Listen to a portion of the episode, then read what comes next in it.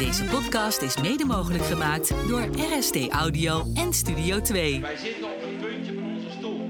En hij gaat aan de rechtskant. Johan Cruijff zei ooit: Als je wilt winnen, moet je lachend het veld opgaan. Met plezier presteren. In deze podcast verzamelen we verhalen van mensen uit de sport met een idee over hoe je duurzaam kunt presteren of die aan de lijve hebben ondervonden wat de impact van plezier en het gebrek daaraan kan zijn.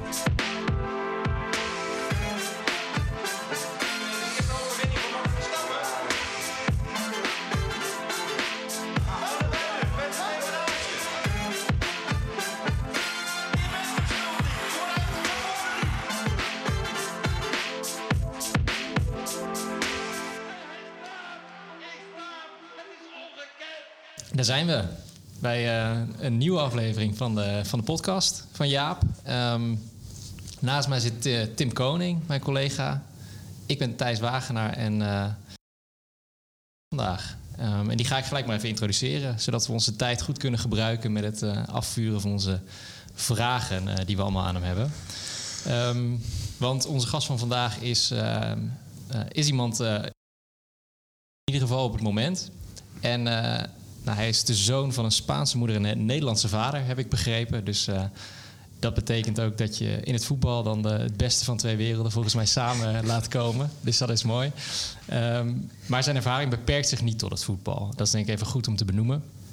Um, ik heb even opgezocht. Er zijn verschillende masters die zijn afgerond. Uh, onder andere in Organizational Analysis, Design and Change, um, Applied Mathematics en Systems Theory and Engineering een hele mond vol. Um, maar hij, heeft, uh, ook, uh, hij is ook actief geweest in de triathlon in de atletiekwereld. Uh, zelf volgens mij ook gesport, maar ook als, als trainer van onder andere Bram Som, een bekende atleet op de 800 meter in Nederland, meermaals Nederlands kampioen en ook Olympisch sporter. Um, in het voetbal echter staat hij vooral bekend als expert talentontwikkeling en jeugdopleiding. Um, en het is echt Kruif-sympathisant, als ik dat zo mag zeggen. Dat zeggen wel meer mensen, maar in dit geval uh, is het denk ik terecht. Uh, omdat Johan Cruijff hem zelf een belangrijke rol heeft gegeven... als hoofd talentontwikkeling en implementatie van het plan Cruijff... Uh, in de jeugdopleiding bij Ajax. Zoals dat destijds tijdens de, de zogenaamde fluwele revolutie uitgerold moest worden. En op dit moment is hij strategisch adviseur en hoofd methodologie bij FC Volendam... En zal hij vanaf 1 januari 2022 ook toetreden tot de directie van de club. Um, en krijgt hij daar onder andere de verantwoordelijkheid over de jeugdopleiding. Um, waar wij met Jaap onze missie hebben gemaakt van een positief topsportklimaat in Nederland. Uh, om dat te realiseren, kunnen we dus ook niet wachten om onze vragen aan hem te stellen. Om te kijken hoe hij dat in de praktijk doet. Want um, hij houdt er bijzondere ideeën op na. Dus welkom in de podcast, Ruben Jonkind. Dankjewel.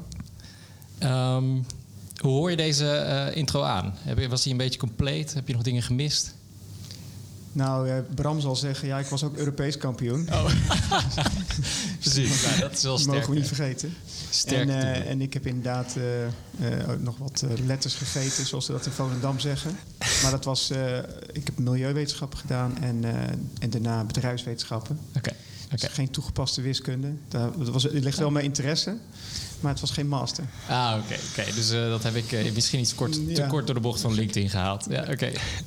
Helder. maar voor de rest, uh, ja, een uitstekende ja. introductie. Fijn, fijn. Um, ja, zoals we eigenlijk altijd onze podcast starten met gasten die we hebben, beginnen met een aantal dilemma's. Uh, zodat we ook een beetje beter uh, in jouw hoofd kunnen kijken als het gaat over bepaalde thema's die daarin voorkomen. Um, en de rest van het gesprek zouden we dus graag willen invullen op een manier waarin we eigenlijk een beeld krijgen van jouw um, idee van hoe talentontwikkeling um, eruit zou moeten zien in een ideaal plaatje in het voetbal, maar misschien ook in de sport in, in het algemeen. en dat we ook gaan kijken naar hoe je dat dan in de praktijk brengt. Zoals nu bijvoorbeeld bij FC Volendam. Uh, dus dat we dat bruggetje ook gaan maken naar die praktijk. Uh, maar laten we eens beginnen met die dilemma's. Mm -hmm. um, het idee daarbij is dus dat je uh, moet kiezen. Dus zonder toelichting nog, daar mag je later op terugkomen, maar zonder toelichting eerst een ja of nee, of eens of oneens, of het een of het ander. Ben je klaar voor? Zeker. Top. Um, de eerste is: een topsportmentaliteit, dat heb je of dat heb je niet? Oneens. Oké. De tweede. Om de top in het voetbal te halen moet je egoïstisch zijn. Eens. Oké. Ranglijsten belemmeren ontwikkeling.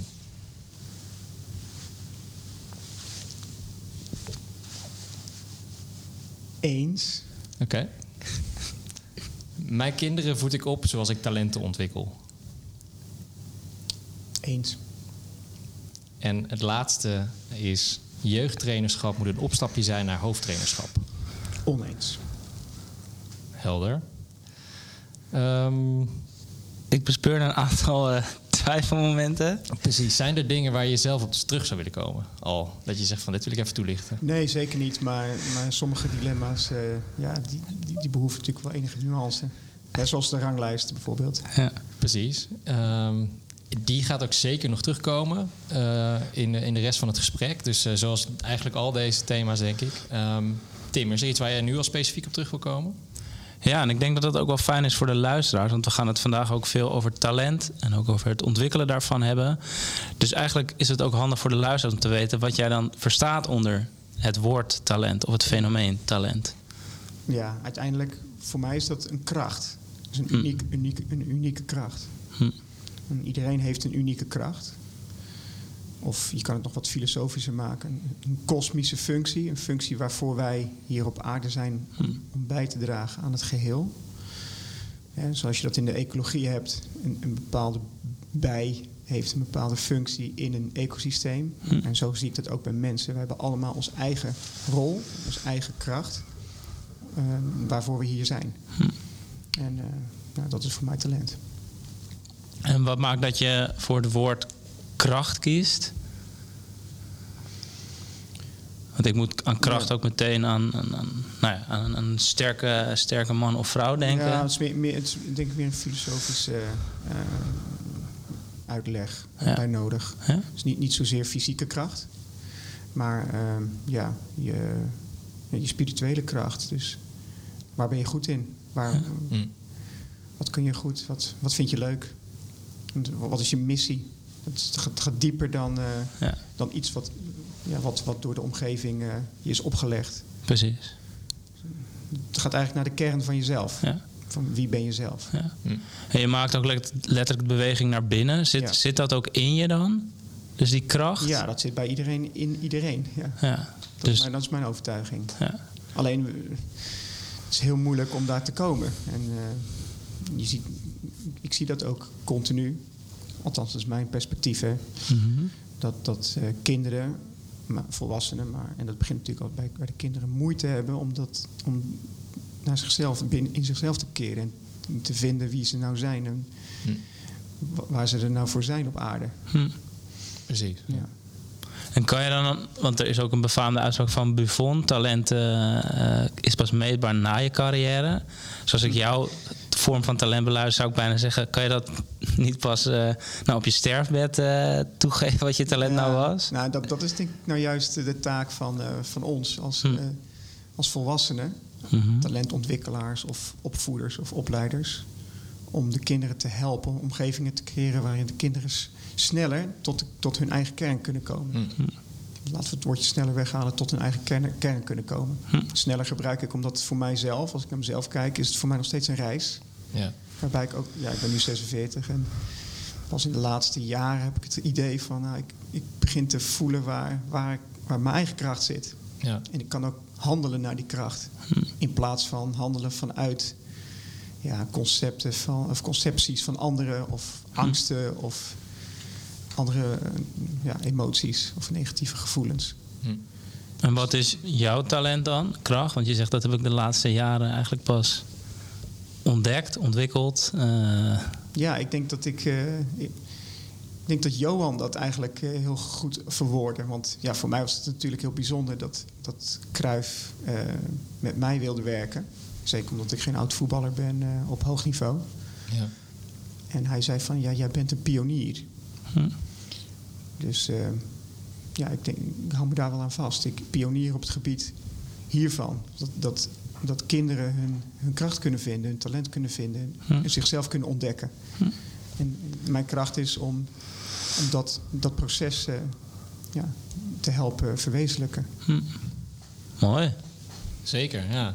ja. Dat is een goede vraag om even mee te beginnen. Want we gaan het natuurlijk over talent hebben. eh, ongetwijfeld als we het hebben over topsport, die omgevingen en talentontwikkeling. Dus eh, dan weten we in ieder geval hoe, wat jij onder talent verstaat. En om dan het bruggetje te maken ehm, naar jouw, ja, eigenlijk jouw filosofie of je ideaalbeeld, wat je nastreeft met ja, in, je, in je werk wat je nu doet bij FC Volendam. Hè? Dus je, bent, je was tot, eh, of je bent eigenlijk nog steeds dus ehm, strategisch adviseur Ja, en ehm, hoofd methodologie. ja. Dat is sowieso al, eh, behoeft misschien wat uitleg, Ja. maar je gaat dus vanaf januari treed je tot de directie toe. Ja. ja, kijk, wat betreft mijn werkzaamheden zal er niet zo heel veel veranderen. Dus wat ik doe En hoe ik het doe. Maar het is meer een statement. Ehm, kijk, eh, strategisch adviseur en hoofdmethodologie gaat eigenlijk over de manier waarop we met Volendam eh talenten opleiden. Ehm, dus dat is eigenlijk, eh, Ja. past dat heel goed binnen een titel directeur opleidingen. Ja. Ehm, alleen we kozen ervoor op dat moment om dat nog niet zo vast te leggen, omdat ik ook juist heel goed ben als ik niet vast zit aan iets, Hm. maar in kan springen daar waar het nodig is om organisatorisch en cultureel zaken te veranderen. Ik werk zeg maar zowel op de werkvloer, op de kleinste details, als op de hoogste abstractieniveaus. Ja. En dat is dan prettig dat je, dat, eh, dat je daar vrijheid in hebt om Ja. dat te kunnen combineren. Zeker door, door mijn eh, diverse achtergrond ja, heb ik ook de mogelijkheden gecreëerd om, om dat te kunnen doen. Dus ja, het zou zonde zijn om mij vast te pinnen op iets. Zeker als je in, in, een, in het begin van een veranderproces zit. Nu is, staat het gewoon een stuk beter. Eh, de richting is helder bij Volendam. En nu dachten wij van ja, het is toch wel belangrijk om eh, de levensader van de club. En in dat verband ook denk ik eh, goed om te zeggen dat ik vind dat in Nederland, Nederland sowieso een land is van opleiden en ontwikkelen van talenten en ja, uniek zijn als klein landje. Daar moeten ze het ook van hebben, van kennis ontwikkelen, en et cetera. Dus eh, om, om die levensader dan ook belangrijk te maken, als je het woord levensader gebruikt. Ja. Mhm. En, maar de levensader zit niet in, de, in het orgaan waar de beslissingen genomen worden, strategisch en financieel. Dat is natuurlijk eigenlijk een beetje gek. Dus ik zou hem willen omdraaien. Hm. Toevallig had ik eh, met, met, vanmorgen met eh, een collega van mij van de KNVB daar een gesprek over. En die vond het ook goed. Die zei van ja, goed dat jullie dat doen. Want ik, ik, ik ken geen club in Nederland die dat, eh, die dat doet. Nou, correct me if I'm wrong. Dan zijn wij Hm. de enige nu die, die de opleiding in de directie zetten. Dat gaat helemaal niet over mijn persoon. Maar het gaat over een, een filosofie, een principe. Ja, eh, Ja. Als er besluiten worden genomen, ja, dan, dan is het belangrijk dat daar de lange termijn in vertegenwoordigd is. En eh, wat je vaak ziet is dat als het niet zo is, dus het woord hoofd zegt het al, hoofd of manager jeugdopleiding. Ja, je hebt dan heb je een directie, ja, die, die gaan gewoon over, eh, over de knikkers uiteindelijk. En, en de jeugd kan dan gewoon heel snel een sluitpost worden eh, binnen, binnen het beleid van een club. Dus, dus wat dat betreft eh, denken, denken wij dat het heel belangrijk is. Niet alleen voor Volendam, maar ik denk dat andere clubs er ook van zouden kunnen profiteren. Om het op die manier in te gaan richten. Ja. Maar goed, dat is aan hen. Wij, wij doen het op deze manier. Ja. Oké, ik werd toch getriggerd door eh, wat je zei. Met Volendam hebben we de richting nu al duidelijk. Wat, wat is die richting dan voor, voor onze luisteraars ook? Wij hebben ons enigszins ingelezen, maar... Ja, en in Volendam heb je natuurlijk de heen en weer. Het is, dat is een bot, dat is een schip. en dat schip dat, eh, dat is eh, nogal vaak uit het vet gehaald om, om te promoveren. Maar ook net zo vaak weer uit het vet uitgehaald om weer te degraderen. Ja. Samen met de graafschap geloof ik Volendam vaakst gepromoveerd en gedegradeerd in. Hm, En de gedachte is natuurlijk van ja, daar willen we vanaf. We willen voor eh, structureel. ja, structureel, het is een mooi woord natuurlijk, structureel, duurzaam Hm. in de Eredivisie. Ja, wat is daar dan voor nodig? Nou, en dan heb je natuurlijk die, die elementen, de Cruyffiaanse elementen. Eh, De manier van voetbal, daar begint het bij. Eh, ja, voetbal wat, wat, wat meest succesvol is, ook op de, in de top, dat is dat je de bal hebt. Mhm. Eh, dat je, dat je aantal passes is belangrijk, dus die bal bezit houden. Nou, daar is, is heel veel voor nodig. Technisch, tactisch, fysiek en mentaal. Dus dat is één, dus dat, daar moet je naar kijken. Eh, vervolgens natuurlijk je, je talentontwikkelingsomgeving, dus je jeugdopleiding. Dat is de basis, zeker voor Volendam. Het is natuurlijk een club met eh, een enorme historie. Een van de weinige clubs, volgens mij, al, al, volgens mij de enige club in Nederland die eh, ooit met een eredivisie-team heeft gespeeld met alleen maar Volendammers. Oh, wow. Als je, als je, bij, als je bij ons komt, en jullie zijn welkom om een keer te komen kijken, dan eh, zie je ook in de gangen die eh, foto's hangen met alleen Volendammer namen. Hm. En, en Volendam was gewoon een geduchte tegenstander van, eh, van verschillende topploegen in de Eredivisie. Ehm, ja, bijvoorbeeld eh, Athletic Bilbao doet dat ook, hè? Ja. met alleen Ja. Ja. Nou, dus dat, is, dat is dus uniek. Dus vanuit die, die jeugdopleidingsgedachte moet ook de jeugdopleiding een belangrijke rol eh, spelen in, de, in het selecteren van spelers, het opleiden van spelers richting het eerste elftal. Om ook die identiteit te behouden. Ja. Zonder die gemeenschap kun je niks in Volendam. En, als, als, als het al een, een vreemdelingenlegioen wordt, ja, dan, dan vervalt die binding. Hm. En, en juist die dat wat decentrale gedachte, dat spreekt mij ook heel erg aan. Hm. En dan natuurlijk het selectiebeleid. Nou, in een nutshell gaat dat dan over dat je, als je daarin gelooft, in jeugdopleiding als eh, levensader, dat je dan ook niet eh, sp- spelers aantrekt die een staande weg zijn voor toekomstig talent. De zogenaamde breedte aankopen versus versterkingen discussie. Voor het eerste elftal bedoel je dan Voor het toch? eerste elftal, ja, exact. precies. Ja. Nou, dat, dat is wat, want het kan ook wel eens betekenen dat je dan misschien tijdelijk in de prestaties Ja. achteruit kunt gaan. Dus je hebt bepaalde opportunity kosten als je een jeugdspeler door eh, laat gaan. Ja. Maar de vraag is, wat wil je? Hè? Dus eh, besta je alleen maar voor winnen? Mhm. Gaat het daarom in het leven? Winnen, winnen, alles bovenaan prijzen? Of wil je, wil je, heb je een identiteit? Wil je, wil je dat laten zien? Omdat je daarmee ook ja, een, een stukje kunt helpen om de wereld te verbeteren. Dat klinkt heel idea- idealistisch. Mhm. Maar eh, vanuit, vanuit onze visie en, en onze visie, natuurlijk wilde die ook winnen. Maar die, die had wel een gedachte over, over winnen en verliezen. Ja, hij zei vaak, ik denk dat hij het wel zes of zeven keer tegen mij heeft gezegd. Ja, wij verloren de WK-finale in 74, maar niemand praat over Duitsland. Iedereen praat over Nederland. Mhm. Over de manier waarop wij speelden. Nou, daar heb je dus heel veel mensen mee geïnspireerd.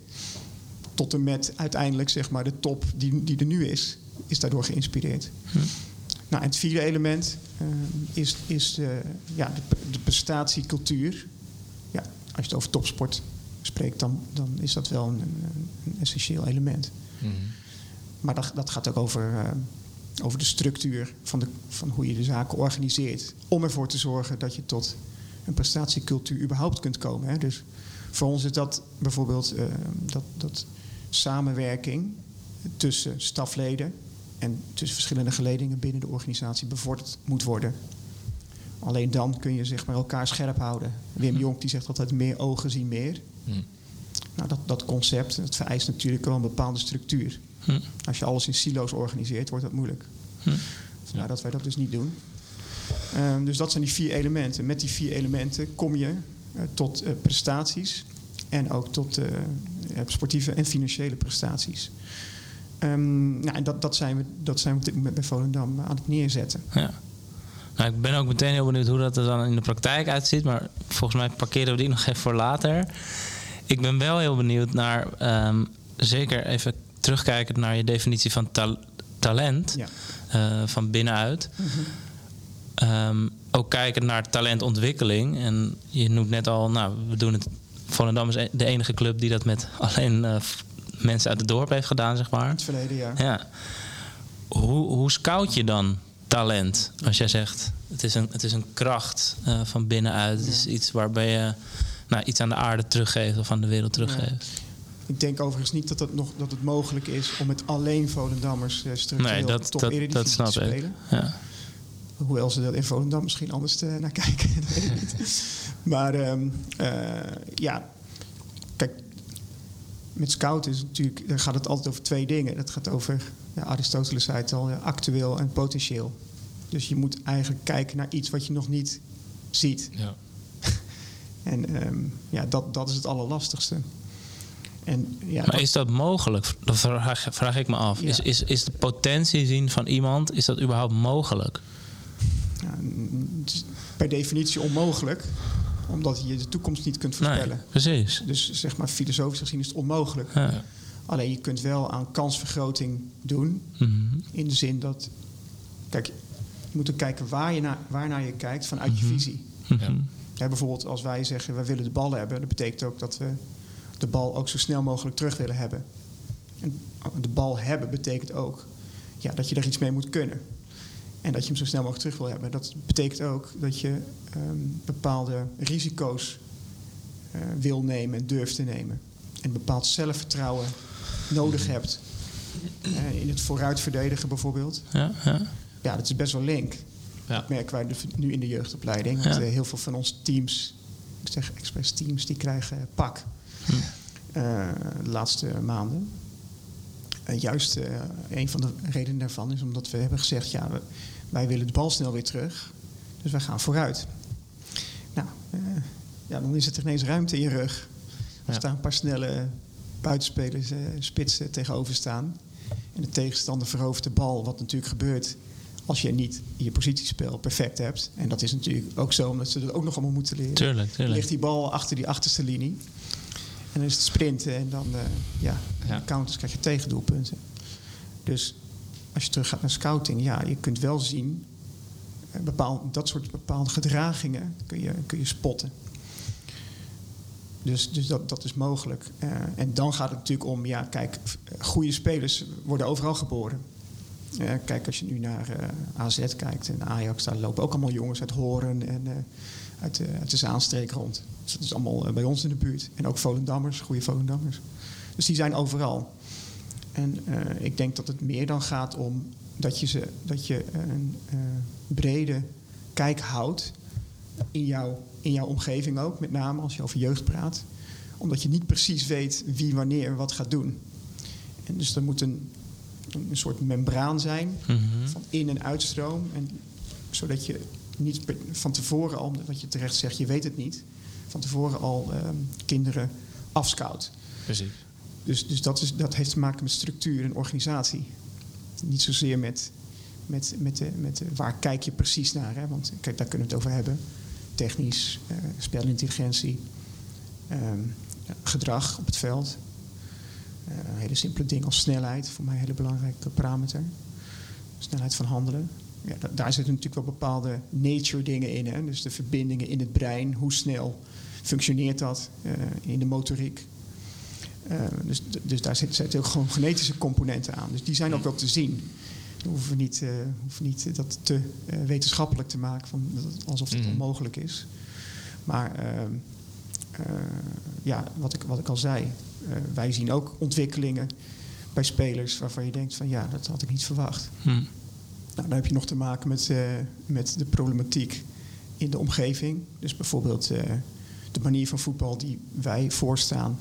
is eigenlijk ongeschikt voor de veldafmetingen tot en met onder 15. Hm. Eh, Kan je dat toelichten? Ja, dus de, de, de, de groeispurt bij, bij jongens, bij meisjes 11,5 maximaal geloof ik, rond de 11, 11,5. Bij jongens 13,5. Dus dat is een normaalverdeling. Dat betekent dat, eh, nou, laten we zeggen, anderhalf jaar daarvoor en anderhalf jaar daarna... dan heb je 95% van alle kinderen wel te pakken. Dus sommige kinderen die groeien maximaal op hun twaalfde al, Ja. jongens, en andere pas op hun vijftiende. In onder 15 zitten, gewoon nog, zitten dus ook nog kinderen, zelfs in onder 16 ja, die, die bepaalde afstanden niet, nog niet kunnen belopen. Ja, dus als we bijvoorbeeld zeggen, wij, wij geven druk met de vooruit als de Ja. keeper de bal heeft met de 9 en de 10.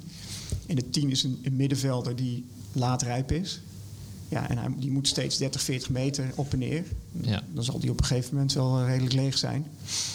Eh, ten opzichte van bijvoorbeeld een speler die op zijn twaalfde al in de puberteit is geweest, de maximale groeispurt. ja. Ja. voor hem is het makkelijk te beloven. Te belopen. Nou, ook het mentale gedeelte, want dat is voor mij het belangrijkste. Het psychologische gedeelte van de groei. Ja, eh, het is nog of een kind in fase 2 of een kind in fase, een adolescent, een jongvolwassene in fase 3. Een groot verschil. Maar dat speelt wel allemaal tegen elkaar. En het grappige is, ja, als trainer kun je daar dus in, in je tactiek, dus je match tactics, je wedstrijdtactiek heel makkelijk rekening mee houden. Wat ik net al zei. Ja, eh, dat gaat al rond. Hoe bestrijd je Volendam? Dat is heel simpel. Eh, zo snel mogelijk eh, kijken. Laat ze maar komen. Dan gaan ze een fout maken. En bij balverovering diepte zoeken. Hm. Ja. Ja, dat, daar hoef je geen wiskunde voor gestudeerd te hebben om, eh, om van de jeugdteams op dit moment van Volendam eh, daar, daar veel doelpunten te scoren. Mhm. En jullie houden dus de, de langetermijn ontwikkeling Ja, maar in, is in, dus- in ogenschouw, zodat dit als een, een, een- ja, een, een onderdeel van de leercurve is. Klopt, dat is ook heel actueel op dit moment. Want eh, eh, ik had, dit is een anekdote, ik had, ik had de trainer van de onder eh, 18 had ik in de trainerskamer eh, eh, afgelopen zaterdag. En die zat helemaal in zak en as. En die, want die had eh 5-0 geloof ik verloren van Twente. De eerste helft was 5-0 al. In de tweede helft bleef het dan eh 5-0. En die was eh, ja, helemaal van zijn apropos. Doet er alles aan. Een enorm gedreven jongen met heel veel eh, potentie Hm. als trainer. En eh, ik zeg maar, kijk nou hier door het raampje. Het was een wedstrijd bezig, Jong Volendam tegen OFC. Als ik me niet vergis, staan die in de derde divisie hoog, misschien Hm. zelfs bovenaan. Ik zeg, ga eens tellen. Dus, wie, wie kunnen er nog in de onder 18? Nou, dan kwamen we op, eh, op zes, ik geloof zes spelers. Ik zeg, dan ben je nog twee spelers vergeten van gisteren. Dat was toen speelde het eerste tegen Jong PSV. Mhm. Die kunnen ook nog zelfs eentje in de onder 17. Ik zeg nou, stel dat je nou die jongens allemaal had opgesteld in die wedstrijd tegen Twente. Wat, wat was er dan gebeurd? Zeiden ja, dan had ik waarschijnlijk wel gewonnen. Ik zeg oké, maar wat schieten wij daar dan mee op als club? Hm. Ja. Ja, ja, ja, ja je hebt gelijk, ja. Ik zeg ja, het gaat niet om mij gelijk, maar... Ja, ik heb ook met die jongens van Jong Volendam een keer over gehad, zo informeel. Zo'n zo'n ook zo'n dilemma voorgelegd. Van, ja, zou je nou liever... Want de onder 18 verloor toen, eh, ik weet niet, ook met de grote cijfers. Ja, zij zeiden van, ja, wat gebeurt er niet goed en dit en dat. Ik zeg, ja, maar jij kan hier ook nog spelen. En toen keken ze om zich heen. Ja, hij ook nog, hij ook nog, hij ook nog. Maar ik zeg, wat zou je nou liever willen? Daar spelen en dan dat je dan met de onder 18 wint? Of hier gewoon bij Jong Volendam? Ja, nee, Jong Volendam. Dus de kinderen zelf willen dat ook. Ja. En voor de club is het natuurlijk veel beter op de lange termijn. Nou, en het kan zijn dat we dan degraderen halverwege. Nou, dan komen we op een niveau wat op dat moment voor, voor dat team het beste is op dat moment. Ja. En dan komen er weer nieuwe uitdagingen. Ga dan maar eens je wedstrijden winnen. Maar uiteindelijk gaat het om de hoe. Hoe, hoe bereik je dat? Nou, dan moet nog zoveel gebeuren. Het maakt niet zoveel uit tegen wie je speelt op dit moment. Oké. En- maar en- dat is wel iets. Van, hè, dat- volgens mij schuurt dit ook een beetje aan tegen het eh, thema van de ranglijsten belemmeren dus eigenlijk ontwikkeling. Ja, Want dan gaat, dan wordt de focus, waar sta ik op de ranglijst en hoe gaan we daar, hoe gaan we winnen, hoe gaan we kampioen worden. ja, En dan richt je het in op winnen. Ja. En dan krijg je teams die tegen Volendam de lange bal alleen maar gaan spelen en andere dingen dus niet ontwikkelen. Hè, Dus als Ja, ik het even ja. kort door de bocht Ja, zet. dat, dat kan hun keuze zijn. Hè? Daar, Precies, daar, zeker. Daar, daar, daar ga ik niet over. Maar het is wel precies wat jij nu net zegt, wat mij, wat, wat mij tot een, een eh, stilzwijgen Ja. noopte op dat moment. eh, met die vraag over die ranglijsten. Want het belemmert de kinderen namelijk zelf niet. Het belemmert de door Via de volwassenen belemmert het de kinderen. Dat is de nuance die je moet aanbrengen. Want Ja. Kijk, kijk eens naar Emmen nu, of ADO Den Haag. Ja, die moeten toch ook nu... Die moeten ook eh, weer promoveren. Dat is een hele andere druk dan dat ze vorig jaar hadden. Precies. Toen moesten ze voorkomen dat ze degradeerden. Ze Dat is een hele andere mindset. Ja, dus, Ja. dus die kinderen komen op een gegeven moment in zo'n, in zo'n situatie terecht. Van oh, we staan achter. Ja, hoe gaan we dit oplossen? Dus dan moeten ze naar zichzelf kijken. Wat is mijn rol hierin? Gooi ik eh, of mijn kont tegen de krip of gooi ik de handdoek in de ring? Ehm, wat ga ik zelf doen? Hoe ga ik met de ander samenwerken? Die communicatiekwaliteit, wat, wat een gigantische eh, gat nog is tussen wat, wat ik voor me zie, wat er zou moeten, wat, hoe kinderen zouden moeten communiceren met elkaar. Kunnen communiceren, laat ik het anders formuleren. wat, Mhm. wat in de mens zit, de kwaliteit om te communiceren, om tot productiviteit te komen. En het gebrek daaraan, wat ik eh, constateer. Ja, dus, dus die dingen die worden getriggerd enorm. Nou, dat wil je juist. Maar Ja. op het moment dat de volwassene ertussen komt... en die met zijn eigen onzekerheden of angsten of, of eh, statusgevoelens... Wat, of, of, of drive om te winnen, uiteindelijk daartussen komt... Ja. Ja. die kan dus de boel gaan eh, verstieren. Om het maar zo te... In, in Mhm. eh, Ja. zeggen. En- En, en- met, daarmee bedoel ik omgeving te scheppen... die niet productief is voor de lange termijn voor kinderen. Maar je, het tegengeluid wat je hoort tegen, tegen dit idee, hè, van eh, het idee van ranglijsten afschaffen, dat heeft best wel veel weerstand. En onder andere hoor je dan van ja, maar kinderen, zeker in een topsport eh, of een BVO, de jeugdopleiding van een BVO, die moeten uiteindelijk ook ehm, leren winnen. Ja. En die moeten leren. ehm, ehm, eh, ze willen zelf ook winnen, anders gaan ze het zelf Ja, wel bijhouden. Ja, En, maar dan ben je, anders ben je geen topsporter. mhm. Dus dat zit ook in je DNA. Ja, Het willen winnen zit in, anders dan moet je iets anders gaan doen. Ja. Dan moet je gaan dansen of zo, of eh, weet ik wat, ja en- scouting of, eh, of eh, padvinderij. precies. Dan, dan, hoor je niet in, het in topsport thuis. Als je Maar, geen, maar neem je dat, die, dat aspect van dat het leren winnen, het, het creëren van een, een winnaarsmentaliteit en het, het leren omgaan met een bepaalde druk die komt kijken bij, bij dat soort wedstrijden die je dan moet spelen. Dat is ook iets wat je moet ontwikkelen naar de top toe. Neem je dat dan niet weg met het wegnemen van dat soort ranglijsten? ja, daarom zeg ik, voor mij hoeft het ook niet weg. Oké, Ehm, alleen het probleem is, we- wij als mensen zijn nog niet in staat om met die ranglijsten, als volwassenen, om Mhm. met die ranglijsten om te gaan. Hm. Kijk, die kinderen die, die, die zijn echt wel met die ranglijst bezig. Hè? Ook, ook al eh, zeg jij er niks van, ze houden het allemaal zelf wel bij. En uiteindelijk vergeten ze het ook weer. Of ze nou wedstrijd hebben gewonnen of verloren in de onder 12. Nou, ik heb dat vaak als, als, als vraag gesteld aan eh, voormalig topspelers. Die dan bij Ajax veel... eh, van, weet jij dat nog precies? Ja, nee. Wat ze wel vaak weten is eigen acties. ja. En dan in relatie tot een wedstrijd en daar dan van eh, de ei- einduitslag in een prof bestaan of spe- spe- specifiek in de jeugd, wat, dat er iets bijzonders was, waar ze dan zelf bij betrokken waren. Dat weten ze dan nog wel. Maar niet precies wat de eindrangschikking was in de onder 15 of zo. Hè, dus kijk, en het willen winnen zit natuurlijk in het nu. Je kan wel een ranglijst hebben, maar dat is ook steeds wat wij bij, bij Volendam eh, zeggen. Ehm, maar ja, uiteindelijk gaat het toch vanavond weer om acht uur eh, gaat het fluitje. En wat Ja. moet je dan, wat ga je dan doen? precies. Dus dat is altijd terug te brengen naar het nu. Op het moment dat je op, in een ranglijst zit, dan, is het, dan ga je of naar de toekomst of naar het verleden. En dan ben je uit, uit, je, uit het nu. En dat, dat is nooit eh, eh, bevorderend voor, voor je prestaties. Ja. En als Dus uiteindelijk heb je dan aan het eind van het seizoen, aan het eind van het seizoen heb je dan een, rang, eh, een ranglijst. Ja, dan, dan zie je waar je staat. Dus dat is meer de mindset die wij willen bijbrengen aan de, Ja. aan de kinderen. En vooral niet als trainers bezig gaan met die ranglijst. Want dan ga je rare beslissingen ga je nemen. en lukt dat? Want ik, het is wel iets. Met de trainers lukt het heel goed. Met de ouders hebben we veel meer moeite op dit moment. Hm. Ja. En, en, en de, eh, de omgeving. Hè. Dus, eh, ja, eh, ik zie ook wel eens bekende Volendamse journalisten die dan een post doen. Dat krijg ik dan door. Hè. Ik vind het dan wel, wel, wel goed om te zien. Want dan zie je ook wat er leeft. Van ga, verdedigen zit niet in de, in, de, in de opleidingsvisie van Volendam. Dan kan je wat resultaten halen, 0-8 of weet ik wat. Ja. En dan denk ik, ja, maar ja, goed, goed om te zeggen. Maar als je doordenkt, zit het er juist wel in. Want het klinkt, is paradoxaal. Want ze leren juist om vooruit te verdedigen. Precies. Dus, dus dat dat gaat gaat, dat gaat over. fouten. Ja, dat gaat, gaat met, als je geen fouten maakt, leer je het niet. Mhm.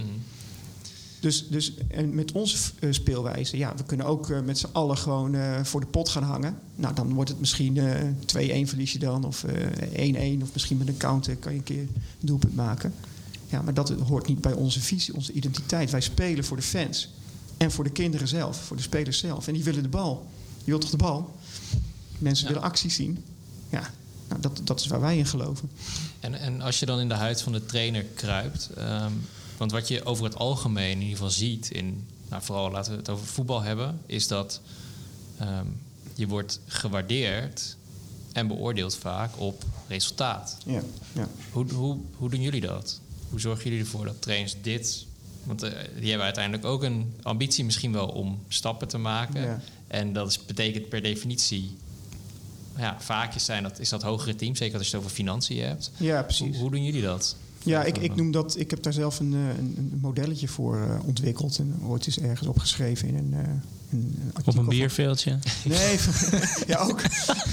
Dan kan je het makkelijk uitrekenen op een bierveeld. ik heb het ook wel eens onderzocht. Van inderdaad wat jij zegt. Van wat, is nou, wat zijn nou de ratio's, de verschillen tussen, tussen een trainer in de jeugd, in de jongste jeugd en bij het eerste elftal. En dan kom je vaak of regelmatig tot factor 50, 60 hogere salarissen. Zo. Zo. Dus ik, ik noem dat de, de, de, de vicieuze cirkel eh, van, eh, van salariering in, eh, en van, de, van het, ik noem dat dan het, eh, het coachparadigma of het resultaatparadigma versus Mhm. Ontwikkelparadigma. Twee verschillende Mhm. paradigma's. En een van de belangrijkste dingen is inderdaad, wat jij zegt, die, ja, iedereen wil meer geld verdienen, dat is logisch.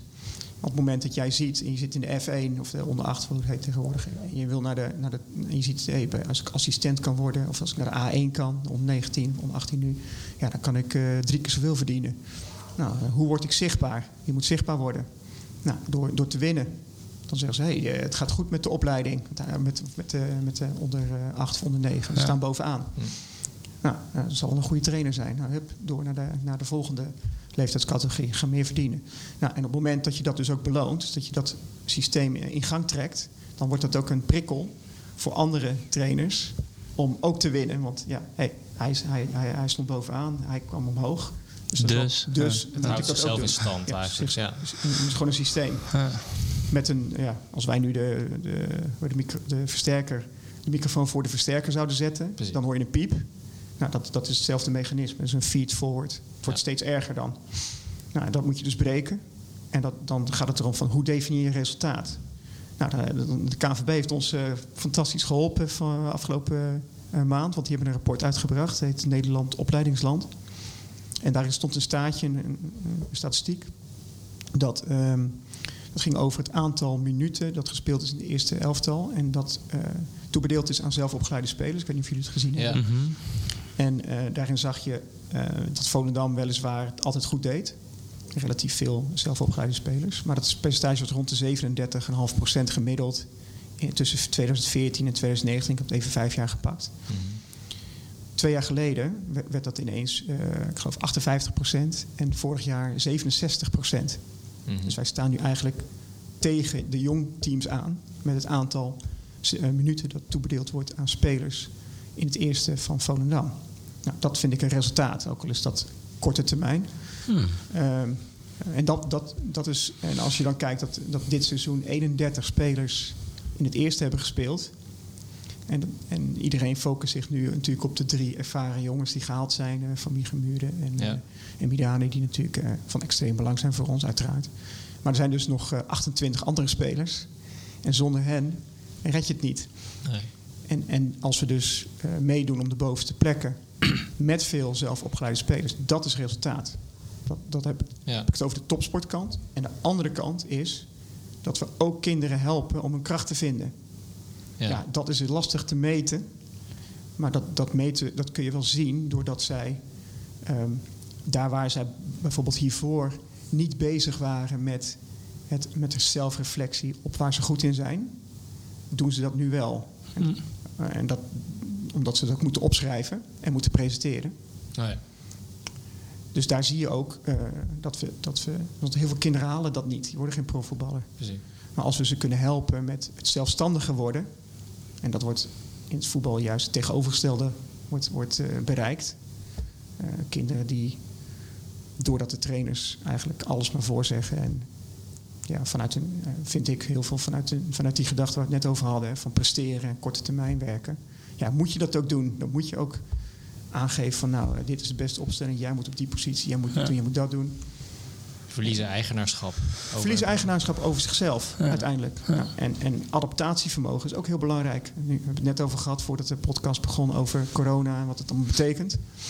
Ja, adaptatievermogen, ja, daar heb je wel eh, handvatten voor nodig en gereedschap als, als mens. Nou, en deze kinderen die vinden toevallig voetbal leuk. Dan, en wij hebben dus de verantwoordelijkheid als opleiding om ze daar dan in te helpen. Hè, want dat is, dit is hun interesse, dit is hun leven. Ja. Maar, maar niet allemaal gaan het halen. Dus wij hebben de verantwoordelijkheid om die kinderen dan die skills mee te geven. Hè. Communicatie, zelfreflectie, iets presenteren. Gewoon iets simpel, wat ik nu doe met jullie. Gewoon je, je, je verhaal vertellen. Ja, ga het maar eens doen. Zet maar eens een microfoon bij een willekeurige onder 15 in, de, in BVO. Je, weet- je weet niet wat je ziet. Die kunnen dat niet. Maar de, de, de- ik kan me Ja. voorstellen dat clubs zeggen van ja, maar dat is, dat, is, dat is niet onze functie. Dat is de functie van school. Dat leren ze daar wel. Bij ons ja, leren ze en dat is dus het verschil met eh, hoe wij denken. Wij, Ja. wij, vinden dus dat, eh, dat je een morele verantwoordelijkheid hebt. En wij denken dus ook, dat op het moment dat we dat wel doen, deze cultuur creëren, dat we ook meer gaan presteren uiteindelijk. Helder, ja. En, en hoe ziet dan... ehm, Maar het vergt nog het, nogal het een en ander hoor. Ja, precies. En, Ja, en geduld. Het vergt geduld. Ja, en dat is heel moeilijk. En emotiecontrole. Ja. Ik heb er zelf want- ook last van, hè? soms nog. Soms zit ik ook nog van, ja, goh. Want- Want kijk, de pijlen gaan natuurlijk eh, in principe naar, eh, naar mij. Ja. Zeker als je die, die functie hebt. Wat dat betreft eh, is het soms ook een nadeel. Eh, de anekdote tussendoor. Want ik, zei, ik vroeg toen aan Cruijff van hoe doe jij dat? eh, of hoe, hoe deed jij dat? Want iedereen komt op je af. En Ja. je, je bent overal dan eh, ben je het aanspreekpunt voor. En als er dingen misgaan, alles. Toen zei hij, ja, ik deed het op een gegeven moment simpel. Ik, eh, ik had geen kantoor. Kon kantoor, kantoor, op slot, kantoor op slot gedaan. En toen, toen kwamen ze niet meer. Konden ze niet meer vinden. Ja, schitterend. Ja, dat kan nou niet meer natuurlijk, maar, maar het is wel een gedachte. Het, is wel, het gaat wel over dit, dit gevoel, weet Ja. je wel? Van ja, als, als nou de, die onder 15 8-0 van Helmond verliest. Ja. Ja, het is, het is nog, nogal wat. Ja. Ja, Ja, want- want- eh, want dat, voelt, dat, voelt, dat, dat voel ik ook. Ja. Ja, want de vraag die daar aan hangt logisch. voor mij nog, die ik nog wilde stellen, is van, wa- waarop ehm, beoordeel je een trainer dan wel? Zeg maar, hoe ziet dat eruit in zo'n gesprek? Ja. Je kunt niet zeggen van, nou ja, hè, je bent eh 18e geworden. Nee. Lekker, Eh, je hebt eh, het meeste tegengoals, dus je hebt lekker Precies, vooruit ja. verdedigd. ja, dat zou bijna iets het zijn. wat Andersom, zijn. ja, precies. Ja. Nee, goed, dat kan. Ja. Nee, maar eh, dat, dat is natuurlijk. Je maakt jezelf niet makkelijk op deze manier. Je kan het jezelf veel makkelijker maken, maar dat, dat is dus Precies. niet zo. Nou ja, hoe je dat dan doet. We hebben, we hebben een, een, een functieprofiel voor zover dat eh, functioneel is. Maar Mhm. een aantal principes, een aantal coachingsprincipes die we, die we hebben. Oh ja. En, en eh, ja, dat is natuurlijk ook dagdagelijks. Dat Waar je, we werken heel veel met elkaar. Dus het is ook niet zo dat, dat ik of, of de technisch managers... dat die een trainer aan zich zo beoordelen... Van, dat het een één-op-één relatie is. Nee. Wij, wij creëren een cultuur van gezamenlijkheid. Met elkaar werken. Dus daar, ook dat meer ogen-principe komt hier ook weer voor. Ja, heel, heel sterk. En dat betekent dus dat je... Ja, hoe werkt dat in een vriendengroep of zo? Ja, hetzelfde. Hm. Dus ja, dat, als, als je op een gegeven moment er niet meer bij past... dan gaat dat vanzelf. Dus eigenlijk gewoon een open foutencultuur. En een Ja. open, open cultuur waarin je elkaar heel makkelijk op een laagdrempelige manier kan aanspreken op de dingen die je ziet, hoort, voelt. Ja, kijk, visie, visieverschillen, dat, dat is zeg maar als je de een eh, blauw denkt en de ander rood, ja, dan kom je er niet meer uit. Dus als de een meer in een soort eh, resultaatparadigma zit, een trainer, ja, dat, dat gaat niet werken. Dan kan je beter gewoon afscheid nemen. Als het, als het blauw en lichtblauw verschil is, van nou, ik vind dat we, dat hij, eh, dat we hem op deze manier moeten benaderen, of nou ja, dat is prima.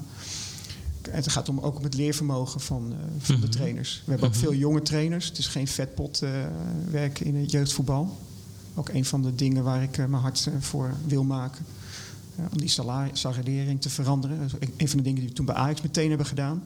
Die salarissen omhoog krikken van de jeugdtrainers. En ook gelijk trekken, zoveel mogelijk waar dat kan. Ja. Want dan, dan breek je ook die, eh, die cyclus van eh, continu eh, ja, vanuit Precies. geld denken. Ja, dus, dus, dus het is geen vetpot, het is niet makkelijk. We hebben jonge trainers, dus die moeten ook veel leren. En, maar juist de gezamenlijkheid, ja, de- ik denk dat, dat dat de kracht ook is. En dat je vanzelf dan, ja, je, je wil het of je wil het niet. En, ja, we hebben natuurlijk wel bepaalde gesprekken met elkaar. eh, Twee keer per jaar, hè, dat het wat formeler is. Maar, maar dat gaat eigenlijk op dagdagelijkse basis in de, in de cultuur. ja, precies. En mag ik dan, eh, want eh, jullie hebben volgens mij ook een, een team Jonk, heet dat volgens mij.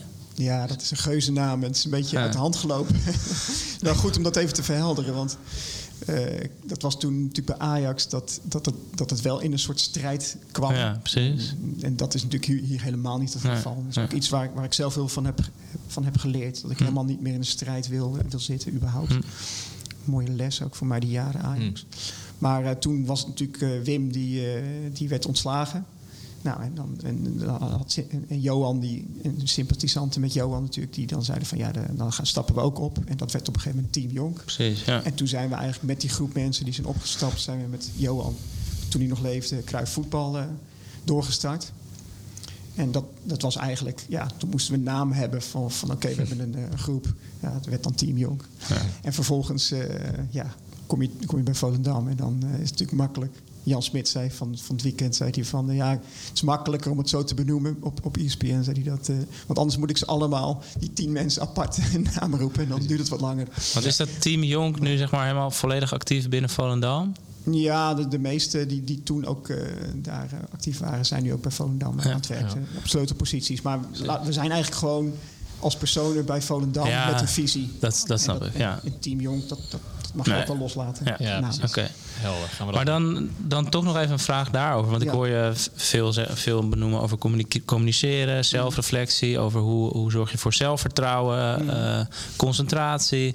Maar ik zag in, nou dan haal ik het toch nog één keer aan, in Team Jong zag ik niet iemand die, nou ja, laten we het even plat, plat zeggen, psycholoog, sportpsycholoog, eh, ontwikkelingspsycholoog, die zag ik daar niet tussen staan. Is dat, Nee, dat komt. Waarschijnlijk heb je op de website gekeken. Ja. Ja, daar, dat is natuurlijk ook een, was een juridische entiteit. oké, En, maar we werken wel we werken met eh, Roy Ramjansing, die ook in tennis actief is geweest. Hm. Die veel doet met eh DISC, oh ja, ja, leiderschapstraining, Ja, ja.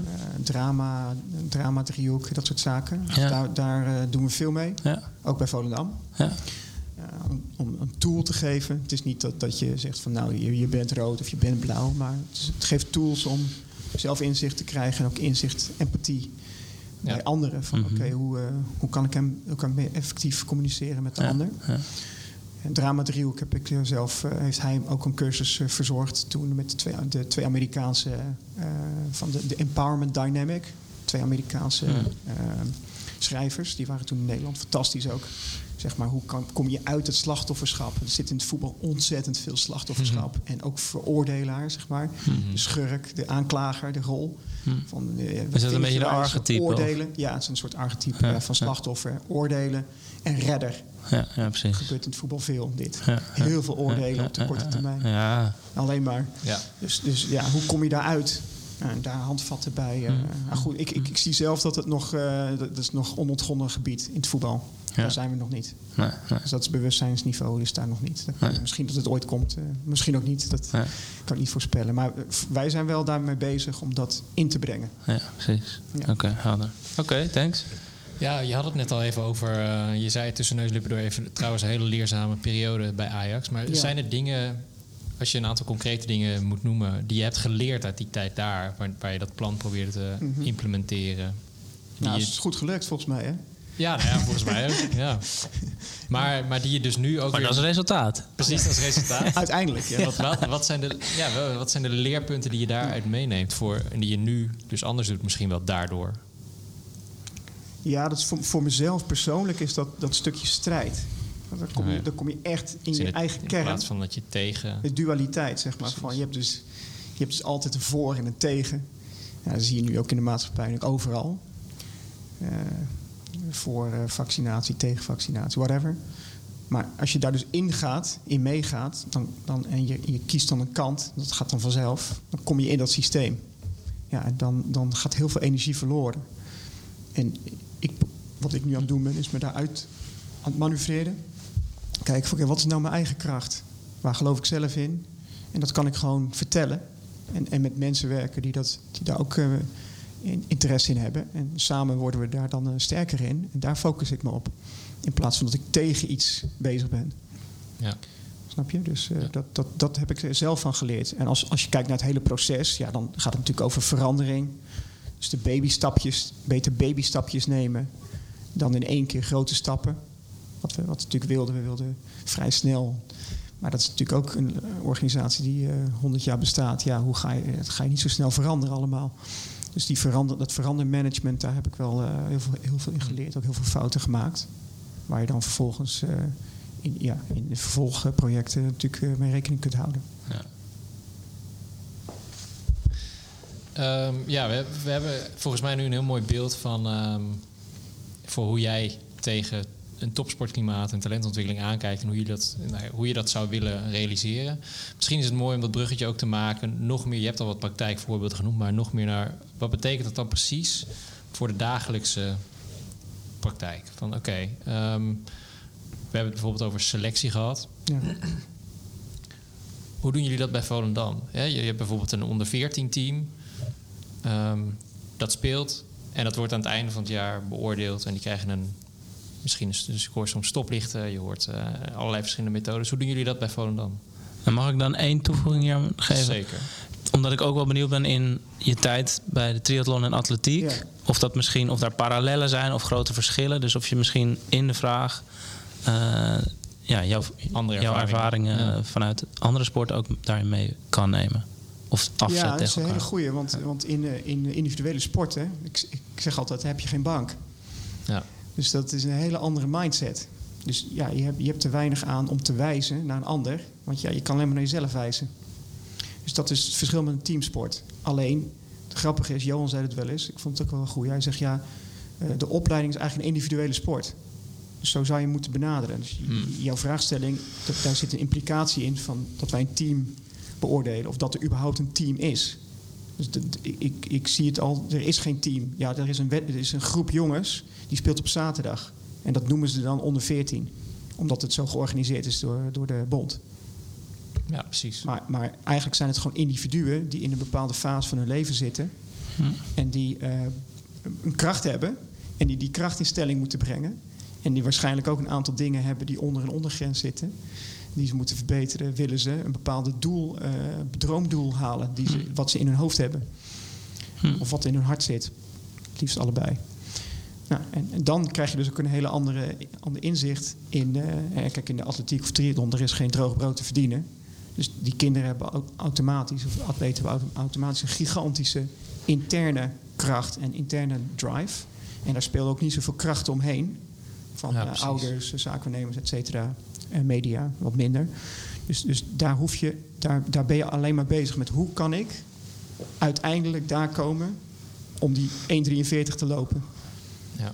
Of om, eh, weet ik wat, die halve minuut sneller te zwemmen, zodat ik wel in de kopgroep zit. Nou, en dan, ben je, dan ga je bezig met je looptechniek, je voeding, je, pff, alle dingen die nodig zijn om dat te verbeteren. En in het voetbal, ja, ik snap het soms ook nog niet. Daar is zoveel te doen, want het is zo'n complexe sport. Je, kan de, je kan alle kanten, je kan de hele dag kan je bezig zijn. Met je aannames, met je passing, met je kijkgedrag, met, met, je, met je fysiek, met je, met je communicatie met anderen. Het is, het is veel complexer eigenlijk nog dan, eh, dan atletiek eh, in de breedte. Atletiek misschien in de diepte. Dus eh, de beoordeling, of laten we zeggen de evaluatie, dat is twee, twee kanten op. Het moet, uiteindelijk is het ook een zelfevaluatie. Waar, waar sta ik als speler? Wat heb ik eh, in mijn hoofd zitten en in mijn hart? Wat moet ik allemaal nog doen om daar te komen? En wij, wij faciliteren daar alleen bij. En tegelijkertijd kan het, is natuurlijk, heb je het model van flow.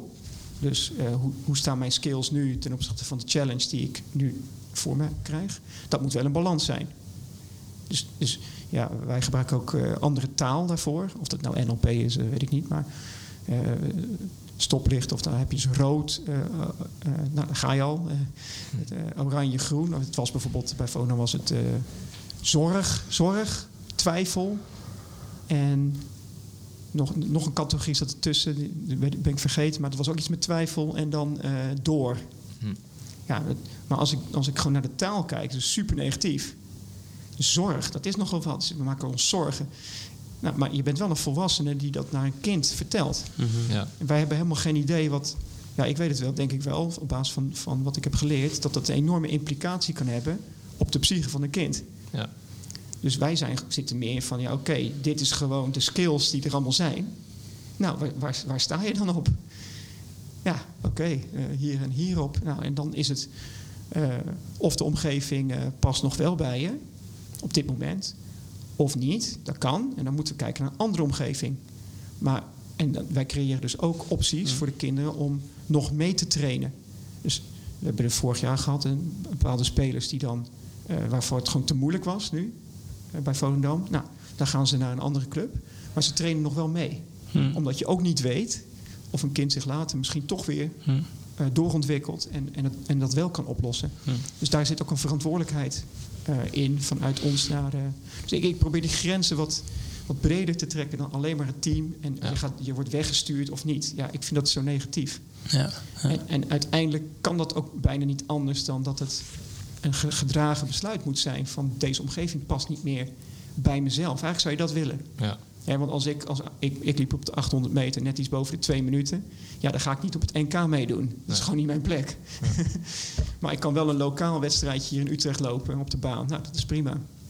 Dus dat is ook gewoon je eigen eh, perceptie van. En dat, dat is vaak helemaal in de war in het voetbal. Dus vooral ouders denken dat hun kinderen veel beter zijn dan dat ze in- daadwerkelijk zijn. Maar spelers denken vaak ook dat ze veel beter zijn dan dat ze daadwerkelijk zijn. Ja, en of aan de andere kant dat ze veel slechter zijn dan dat ze daadwerkelijk zijn. Dus het balanceren van die zelfperceptie, Hm. ja, dat is super belangrijk. En, en eh, dan, dan raak je ook een beetje af van die, van die negatieve taal en van, dat, van, dat, van, die, van die oor- dat oordelen. Maar dan is het gewoon veel meer het helpen in een ontwikkeling. In plaats van het afstraffen van, eh, van een prestatie. Ja. Snap je een beetje waar ik, eh, wat ik bedoel? Ik snap Zeker. het heel goed. Ja, er zijn meer zeker. sportpsychologen in het voetbal nodig. ja, ik hoor het al. Oh ja, sowieso ja. Nee, maar waar ik nog wel werd getriggerd. eh, Nou, ik, ja, ik denk dat het ook... Het klopt wel, maar het, het mooiste zou zijn om, om zeg maar die diepere laag aan te spreken. ja, nee, In plaats zeker. van, want wij zijn, het- kijk, reparatiewerkzaamheden, ik vind dat dat is een taak van de, van de club zelf. We moeten Ja. niet onze eigen problemen creëren. Dat is wat we doen. In het voetbal. Zeker. Wij creëren gewoon eh, dysfunctioneel gedrag Ja, door, door, door de visie die we hebben vaak op, op die korte termijn. ja. En dan krijg je ja, behoefte aan specialisten die dan Dat even beschadigde oplossen. kinderen komt. Ja, Ja, precies. Nee, je moet ze in eerste instantie al niet beschadigen. Precies. Ja. Het zijn wel heftige woorden die ik gebruik, besef ik. Maar ja, ik, Nou ik, heb- ja. ik zie het om me heen gewoon gebeuren. Ja. Dus, Ja. Ja, want waar ik nog over werd getriggerd, je zei eh, over zorg, twijfel en, Ja. en door. En daarna zei je rood, groen, eh, rood, oranje, groen. En nu zijn we, we laten eigenlijk zien op bepaalde vaardigheden waar ze nu staan. Moet ik dat dan op een continuum zien? Ja, Ik ja. moest eigenlijk meteen aan een FIFA-kaartje denken, ja, dat in die- spel. In die, richting moet je Eh, denken. daar ja. zitten een paar vaardigheden in van 0 tot 100. Ja, ja. Eh, is, is dat zeg maar echt iets wat jullie op die manier insteken? Ja, zeker. Ja. Ja. Oké. We hebben toen bij Ajax ook een tijdje met een technologie geëxperimenteerd, een app, om dat ook inzichtelijk te maken. Hm. Skillsbox, we hebben dat uiteindelijk niet, eh, niet doorgetrokken. Hm. Wordt ook niet meer daar gebruikt, volgens mij op die manier. Hm. En bij Volendam doen we dat eh, echt meer gewoon niet digitaal, maar wel met, vanuit, die, eh, vanuit die gedachte. Ja. Ehm, ja, en, eh, en, en ook wat belangrijk is om te zeggen dat, eh, dat we ook dingen meenemen zoals eh, ja, wat, wat steeds meer clubs natuurlijk ook doen. De, de eh, geboortemaandeffect, rijpheid, Ja, ja. trainingshistorie. Waar komt die vandaan? Hè? Dus eh, als een speler uit de amateurs komt, ja, eh, het is logisch dat daar een verschil zit. Dus dan moet je ook tijd geven. Eh, tenzij, die, tenzij het echt niet werkt. Ehm, ja, en, en ook het meer ogen zien meer principe. Dus het is niet één trainer die een beoordeling geeft, maar omdat je ook in zo'n bouw, in zo'n groep, zo'n jaargroep, of een driejarige groep werkt, heb je ook veel meer zicht vanuit Mhm. meerdere trainers op die kinderen. Ja, Dan kan je ook een, een betere op- observatie doen. Ja. En als je meerdere observaties naast elkaar legt, maak je ook een, een soort inter eh, subjectieve. eh, Interbeoordelers. ja, eh, precies, waardoor het objectiever wordt. Ja, precies. Dus dat zijn de Hm. mechanismen langs, waar langs wij, eh, langs wij werken. Hm.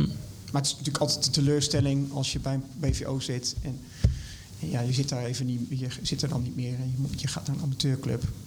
Ja. Of schoon, ja, wij hebben af, afgelopen seizoen ook gewoon eh, bergspelers vanuit de amateurs naar, eh, zelfs naar Jong Volendam eh, gehaald. En die hebben ook al een aantal debuut gemaakt in het eerste. Dus ja, ik, ik, ik kijk niet zo naar. eh, ja, je zit nu in de onder 15 van FC Volendam. Als je daar dan uit bent, dan is het, de hele wereld is, eh, eh, die, eh, die valt in duigen. Nee, zo zie ik het helemaal niet. Je hebt allerlei wegen om eh, in Rome te komen. Hm. En wij, wij moeten gewoon die wegen goed in kaart hebben. Precies. Ja. En wegen misschien open houden. Precies, dat. Ja. Ja. En niet sluiten, ja. En eh, ehm, je, je noemde net heel concreet het verschil tussen individuele sporter en, en een teamsport. Nou, ja, toen gaf jij al de nuance van, nou, misschien Ja. is het in, in, in een teamsport ook wel gewoon een individuele Ja, sporter.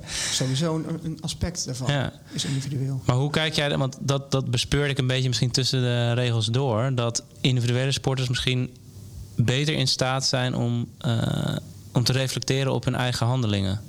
Ja, ze kunnen dat over het algemeen beter. Ik denk dat ze niet, niet, zeg maar beter in staat zijn. Want ik denk dat die anderen ook in staat zijn om dat te doen. Alleen het Hm. gebeurt niet. Maar dat komt omdat, omdat de volwassenen dat weghalen. De trainers, de club, die halen dat gewoon weg. En dat heeft te maken met, ja, eh, als ik gewoon die wedstrijd moet winnen op zaterdag, dan ga ik gewoon de elf beste opstellen.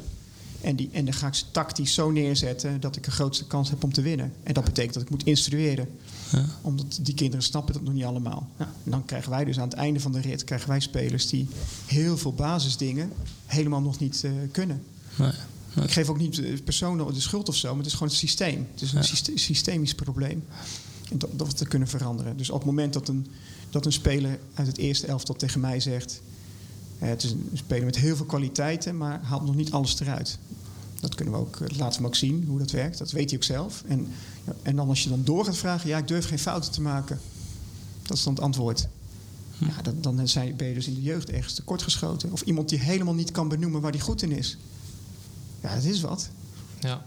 Ja, nee, helemaal we- geen... Ja, Dit maken wij natuurlijk ook veel mee ja, in jullie, onze praktijk. in jullie werk Dus, is eh, natuurlijk... Jullie krijgen dan te maken met de... de, de En wij krijgen als het uh, Met- met als er reparatie, Ja, reparatie, nodig zijn. Ja, Terwijl de pre- of preventie, ja, Ja, dat klinkt precies. ook, ja, preventie, laten we het als het zo Ja. noemen, dat zou eigenlijk ideaal zijn. Ja, precies. Dus dat, dat is denk ik... Maar daar merken we wel eens een shift gaande. Dat er nu ook wel echt steeds vaker sporters naar ons toe komen die zeggen gewoon... ik wil me hierin ontwikkelen en ik heb daarbij hulp nodig. Ja, ja, ja, dat is allemaal wat, wat meer eh, open geworden. Ja. En in het voetbal denk ik ook... Ik, in, ja, ik durf wel te zeggen dat, dat die fluwele revolutie daar... denk ik dat dat het belangrijkste punt is geweest.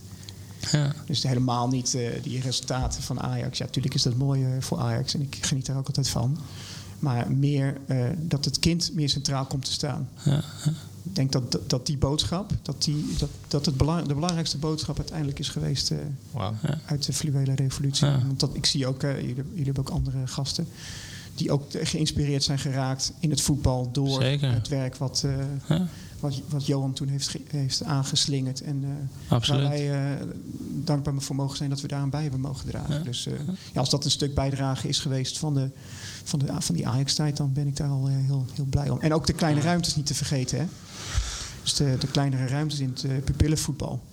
Oh ja. Dat, dat, dat draagt hier ook al aan bij, aan, aan pos- in positieve zin. Dus, eh, dat, eh, want die velden waren natuurlijk veel te groot, nog steeds vind ik. Mhm. Maar tussen, van, vanaf onder eh, de- F'jes tot en met eh, onder 12. Dat, dat we toen met die twin games, halve velden, Precies, kleinere aantallen. Waardoor ook de rol van de volwassene minder wordt. Mhm. Het aansturen Ja, en het, en het eh, PlayStation coach, laat ik het zo zeggen. precies. Ja. Ja, en waardoor de ple- spelplezier en ook de zelfregulatie van de kinderen automatisch omhoog gaat. Gewoon door de aanpassing in de omgeving. Precies. Ja, gewoon, eh, ik geloof, een half miljoen kinderen. Nou, dat is Ja. toch fantastisch Absoluut. Ja. als resultaat. En het dan eh, toch nog even terug naar je definitie van talent en kracht. En ook wat jij daarbij aangaf wat jouw kracht is. Is dat ook een van, jou, van jouw missies bij Volendam? Om dat, nou, die systeemfout of eh, de fouten in het systeem... om die met Volendam eigenlijk als een soort van pilot... eh, te laten zien dat het ook anders kan. Waarmee misschien het systeem ook een, een stukje meer naar rechts of links... het is maar net hoe je het bekijkt, Ja, opschuift. Ja, ja. precies, je omschrijft het heel goed. Dus ook een, een vorm van inspiratie om te laten Ja. zien dat het op deze manier kan werken. Ja. En eh, dat je en, en eh, tot een resultaat komt voor de enkeling die dan wel eh, top, topsporter wordt, absoluut topsporter. Maar ook eh, dat je dus die andere eh, kinderen niet vergeet. En dat die, dat die met positiviteit, absolute positiviteit, terugkijken op hun Ja. tijd bij Volendam. Ja, en eh, volgens mij was dat vorig jaar kwam dat toen uit. Ook met oud-spelers. Met, eh, dat daar eh, depressiviteitsklachten, et cetera. Jullie zien natuurlijk veel meer. Ja, ik denk dat het maar topje van de ijsberg is. Ja. Dat we heel veel 100%. niet zien. Ja. Ja, en die, die morele En ook verantwoordelijkheid. niet willen zien, denk ik. Ja, ja. Ik denk dat dat een Iedereen belangrijke- kijkt alleen maar naar de... Naar, oh, wat heb, wat heb je zaterdag gedaan? Exact. Ja. Nou, en het is net of er van boven nu extra eh, zout in de wonden wordt gestrooid met die uitslagen die wij eh, dan hebben nu in de jeugd. Dus eh, wat dat betreft word, ik, word je wel op de proef gesteld. Maar dat is alleen maar mooi. Ja. Ik vind het wel mooi. Dus eh, Nou, ik ben blij dat je, dit, dat je dit ook zo zegt. Want het kan natuurlijk ook zo zijn dat je op een gegeven moment denkt van... nou, hoe lang ga ik, ga ik dit ook nog volhouden? ja, ja, nou, nou zo, zolang wij eh, die 31 spelers in het eerste hebben en die 67 procent. Ja, en, dat- en, en, en we doen mee op de bovenste plaats. Hè, dan dan is wordt het werk goed gedaan in de opleiding. En, en natuurlijk is het nog, nog maar, maar, maar twee jaar, eh, eh, nog niet eens twee jaar. Dus, Nee. dus, dus het is ook werk wat hiervoor is gedaan. Ja. Maar daar, dat is meer voor mij, ja, die talenten zijn er gewoon. Hè. Kijk naar Van de Ven, die was er gewoon. Mm. Alleen ja, werd hij gezien? Ja, denk ik niet helemaal. Dus eh, ja, en, en was er een omgeving voor hem om te groeien? Nou, en dat hebben we dus eer- in eerste instantie bij het eerste en jong gecreëerd, zo'n omgeving. Hm. En nou is het aan mij de taak om dat naar beneden door te trekken. Ja.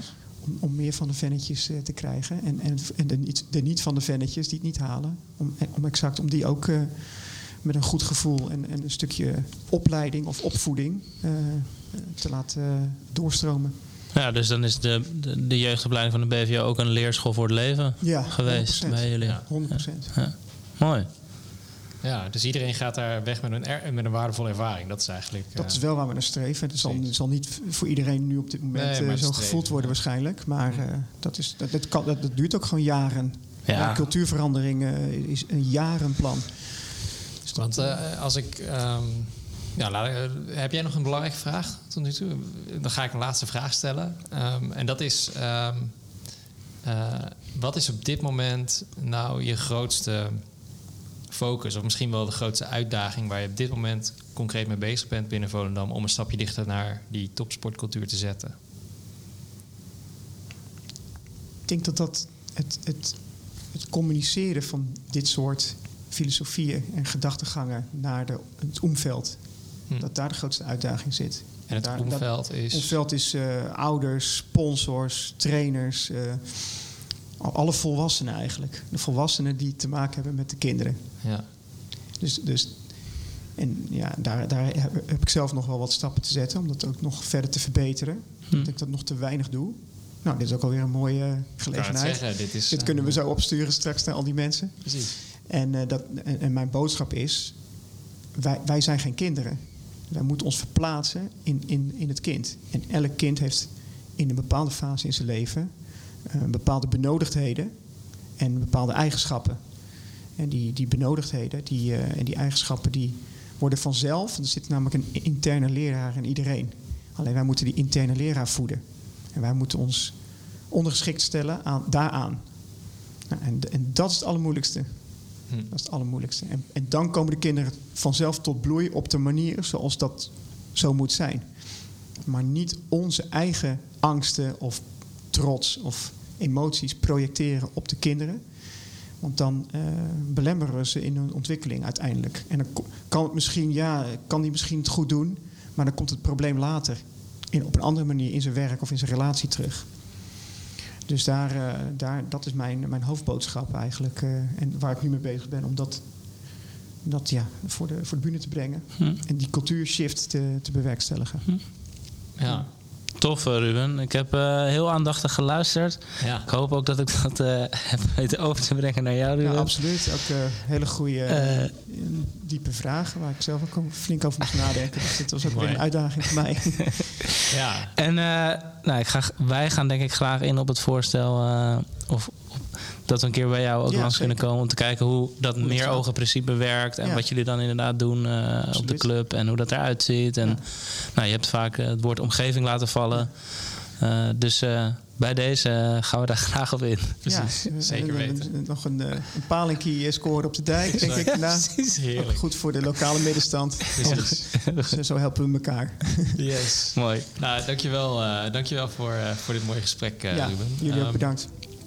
Voordat we hem helemaal afronden, wil ik nog eh, eh, kort me ook even tot de luisteraar richten. Want eh, die heeft misschien ook wel heel veel vragen gekregen. Of misschien opmerkingen naar aanleiding van dit gesprek. Dus ehm, dat kun je ons laten weten via ons e-mailadres info.jaap.eu of eh, via Instagram of LinkedIn. Daar kun je ons ook vinden. Ehm, en mocht je dit nou een enorm leuk gesprek hebben gevonden, dan kun je ook ons eh, kanaal op Spotify even volgen of een beoordeling achterlaten op Apple Podcast. Dan wil ik Koen van Dalfsen nog even eh, bedanken voor onze toffe tune die je aan het begin eh, en aan het einde hoort. En eh, als laatste nogmaals eh, jou, Ruben, voor je tijd en voor je mooi verhaal. Ja, jullie succes, eh, want het is een belangrijke missie die jullie hebben. Yes, ja, dankjewel. Daar sta ik ook eh, 100% achter. Mooi. Top. Nou, mooi, dankjewel. En eh, tot de volgende aflevering.